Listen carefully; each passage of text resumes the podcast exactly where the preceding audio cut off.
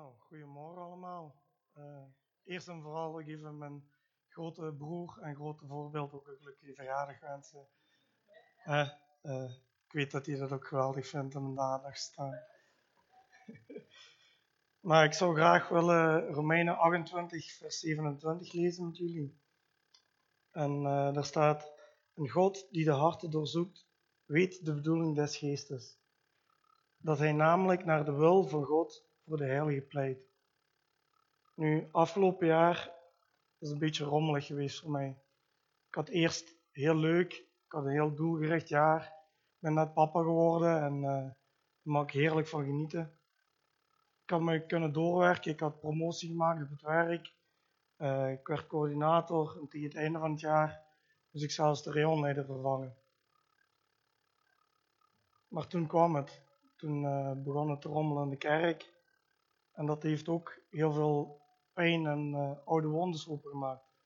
Die ik vroeger had gehad in andere kerken. En ja, door al die dingen heen moest ik ook nog eens uh, een functie terug. Omdat de inkrimping was in de autosector. En na die inkrimping hebben ze me nog eens gevraagd om naar een andere afdeling te gaan. Nou, dat met allemaal meegerekend werd heel moeilijk voor me. En ik uh, zwakte af. En toen kwam de coronacrisis ook nog eens. En de kerken sloten en ja, ik, ik raakte niet meer in connectie met God. Ik vond het moeilijk om God te zoeken, want ik was gewend iedere zondag hier te komen en echt tijd te hebben en te focussen op God. En ja, nu denkt u misschien, wat komt zo iemand hier een preek geven? Wat komt hij nou vertellen? Wat komt hij van doen als hij zo van God is afgegaan? Wel, ik zal je vertellen waarom. En daar gaat het dan ook nog over vandaag. Wat leeft er in je hart? En kijk je naar de situatie of kijk je naar God? Kijk je naar de bediening die God voor je heeft? Wel, zoals ik net al zei, ik verlang ernaar om dienstbaar te zijn. En nog voor al die problemen zijn geweest, had ik naar God gebeden en ik had gevraagd: God, als u wilt dat ik spreek, wel, dan zal ik spreken uit gehoorzaamheid. Niet omdat ik het wil, maar omdat als u het goed vindt. Dus ik ga er ook niet achter vragen. Ik kan ook niet zeggen van: hé, hey, uh, laat me spreken hier of uh, ik wil voorop komen. En uh, ja, net op mijn verjaardag deze week belde Martien mij even op. David, ik zal in één keer met de deur in huis vallen. De spreker van zondag is weggevallen. Om uh, welke reden weet ik even niet. Maar uh, ja, ik had aan jou gedacht. Ik heb het aan de leiding gevraagd en die waren direct tevreden. Dus uh, bij deze vraag ik je dit. Nu, ik was al voorbereid, dus dat hielp. ik heb nog even de preek moeten nalopen die ik al voorbereid had. Want vaak doe ik dat voor mezelf ook, iets uitschrijven en dan ja, kan ik het tot van me afschrijven en kan ik ja, zoeken naar God en wat hij juist wil voor me in die situatie. En ik zou graag met jullie Spreuken 21 vers 2 willen lezen. Mensen leven zoals zij denken dat het goed is. Maar de Heere kijkt dieper. Hij ziet wat in het hart omgaat. Nou, ik heb net al gezegd, de, uh, de titel van het deze preek is de keuze van je hart.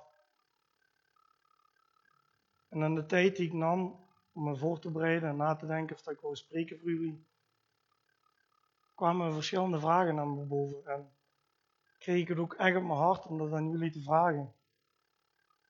Wat leeft er nu eigenlijk in je hart? Hoe voel je je nu op dit moment? Wat is en wat is mijn geloof? Waar sta ik voor? En Zoals ik net al zei, gevoelsmatig gaat het vaak niet goed. En ik hoop dat ik nu mensen aan het aanspreken ben. Ik hoop dat er nu mensen een beetje het warm beginnen krijgen. Dat ze zelf ook die vragen hebben. Maar hoe voel je je? Voel je je niet goed? Zijn er littekens die je opspelen nu? Heb je dingen die, waar je mee zit? Heb je verlangens? Heb je zorgen? Heb je wijsheden nodig? Oh, jammer genoeg heb ik geen antwoorden voor je specifieke situatie. Maar dan wil ik je vragen, waar hangt je geloof nu vanaf? Ben je wel overtuigd wie God is in je leven? God is op dit moment jullie harten doorgronden. Hoe moeilijk de situatie ook is, maar kiezen we nog steeds ervoor om Hem te vertrouwen? Hebben we ons hart echt aan God gegeven? Dat moeten we onszelf ook durven afvragen. Nou, de reden waarom dat ik hier sta, is niet omdat uh, mijn gevoel iets verandert aan de grootheid van God. De situatie waar ik in verkeer, ja, die heeft niks te maken met dienstbaar te zijn voor God. Want God verdient die eer. En ik hoop dat ik die test mag doorstaan. En ik bid voor jullie allen dat jullie dit ook mogen gaan doen.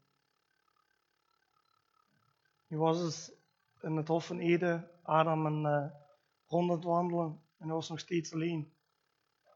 En hij ging naar God toe en hij zei, God, ik wil een partner. Iemand die iedere dag voor me klaar staat, die voor me kookt, die me aandacht geeft. Ja, God, zo echt iemand, daar verlang ik naar. God zei, ja prima, maar dat kost je wel je arm en je been. Adam schrok even en zei, dag even na en zei, hm. En wat als ik nu eens een rib geef? Nou, mijn punt die ik wil maken is, wat mag je hasselangen kosten? Als je dingen vraagt aan God, ben je dan ook bereid voor zo wat vooraf te geven? Ben je dan ook bereid om de test te doorstaan die daarbij hoort Maar wil je, nogmaals, wil je kijken naar je situatie? Wil je kijken naar God? Kijk maar eens naar het verhaal van Job. Deze man die aanbad God, die deed alles perfect. En toch werd hem alles afgenomen. Alle situaties om hem heen, die vielen weg. Zijn vrouw zijn kinderen werden afgenomen. Zijn geld, alles wat hij had, Maar toch liet hij zich niet kennen.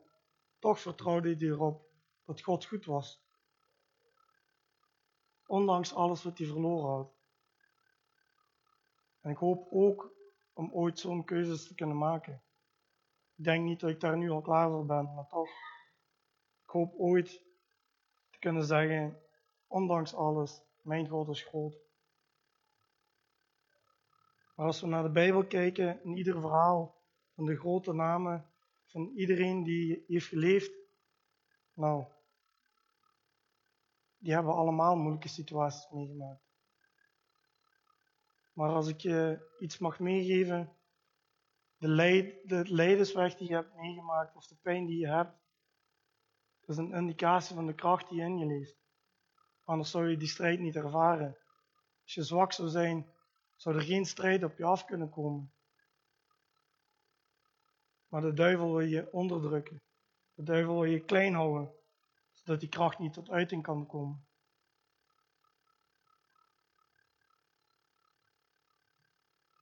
En ik wil je uitdagen om ook die keuzes te gaan maken. Kun je alsjeblieft het eerste plaatje opzetten?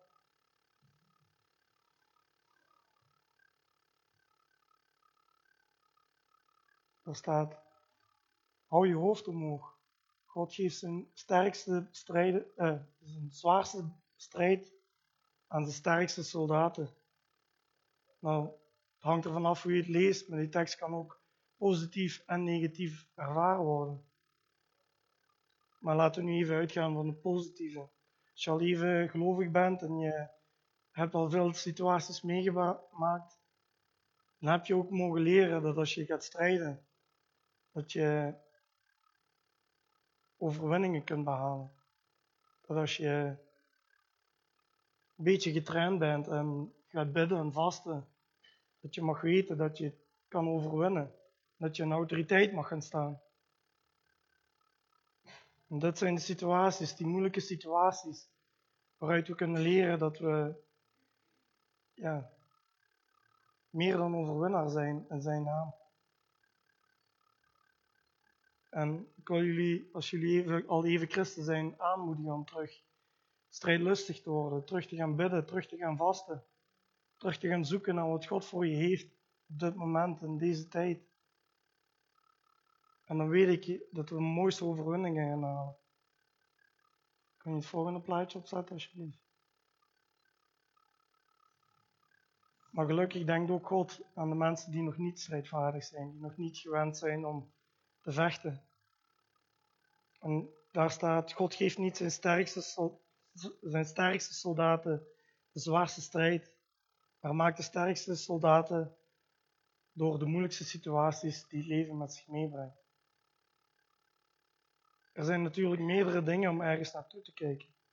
Meerdere dingen die zoveel op, op ons afkomen.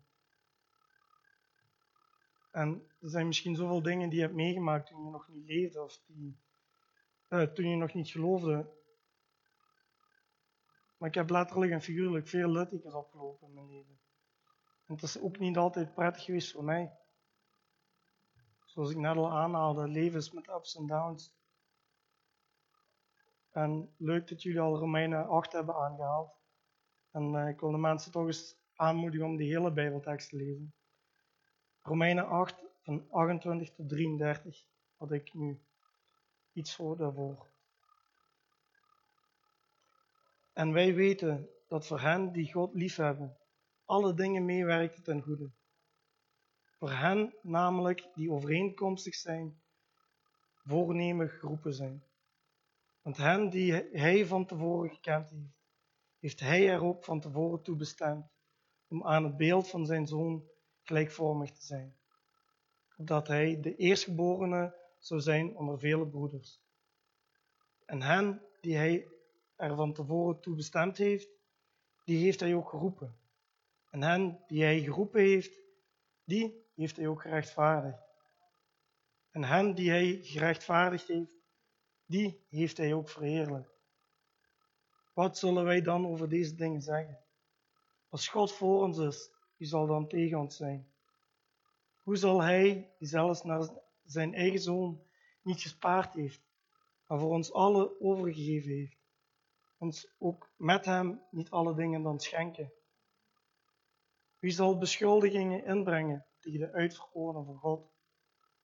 God is het die rechtvaardigt. In tijden van crisis speelde de vraag al vaker op van waarom laat God dat nu toe? Waarom gebeuren al die dingen? God kan toch ingrijpen als hij almachtig is, als hij alwetend is, als hij al die dingen kan doen. Zoals we net hebben gelezen, heeft hij zelfs zijn zoon niet gespaard. Voor jou en voor mij. Maar laten we even iets verder ingaan op het moment dat Jezus een keuze moet maken. Dat is Marcus 14, vers 34 tot 36. En hij zei tegen hem, mijn ziel is zeer bedroefd, tot de dood toe. Blijf hier en waak. En toen liep hij iets verder. Hij wierp zich ter aarde en bad dat, als het mogelijk was, dit uur aan hem voorbij zou gaan. Hij zei, Abba Vader, alle dingen zijn mogelijk voor u. Neem deze bedrinkbeker van mij weg. Maar niet wat ik wil, maar wat u wil. Kun je een beetje inbeelden, het moment dat Jezus daar alleen zat. Hij was overgelaten, hij moest, ja, hij wist wat op zich uitkwam. De situatie was ook uitzichtloos voor hem. We vergeten vaak dat, dat Jezus ook moest lijden. Maar hij heeft doorgezet. En wat beloning heeft hij toen gekregen? Wat een liefde is er toen over ons uitgesproken. Dat offer, dat brengt ons vandaag samen. En weet dus als je je alleen voelt op dit moment, of de situatie is moeilijk, doe dan wat Jezus deed. Gooi je op de knieën. Ga naar het kruis, smeek voor genade. Smeek voor de situatie waarin je zit. Maar vertrouw erop dat God iedere situatie ten goede kan gebruiken. Laat dat nu het evangelie zijn waar ik in geloof. Laat dat nu zijn waar ik voor wil gaan staan. De God die met alle liefde klaarstaat om te luisteren naar de pijnen die je hebt, naar de situaties waarin je verkeert. En als we dat gaan doen, dan zetten we de wereld op de kop. Dan gelooft de hele wereld dat ze kunnen zien dat zelfs als benarde situaties komen, dat God voor je is.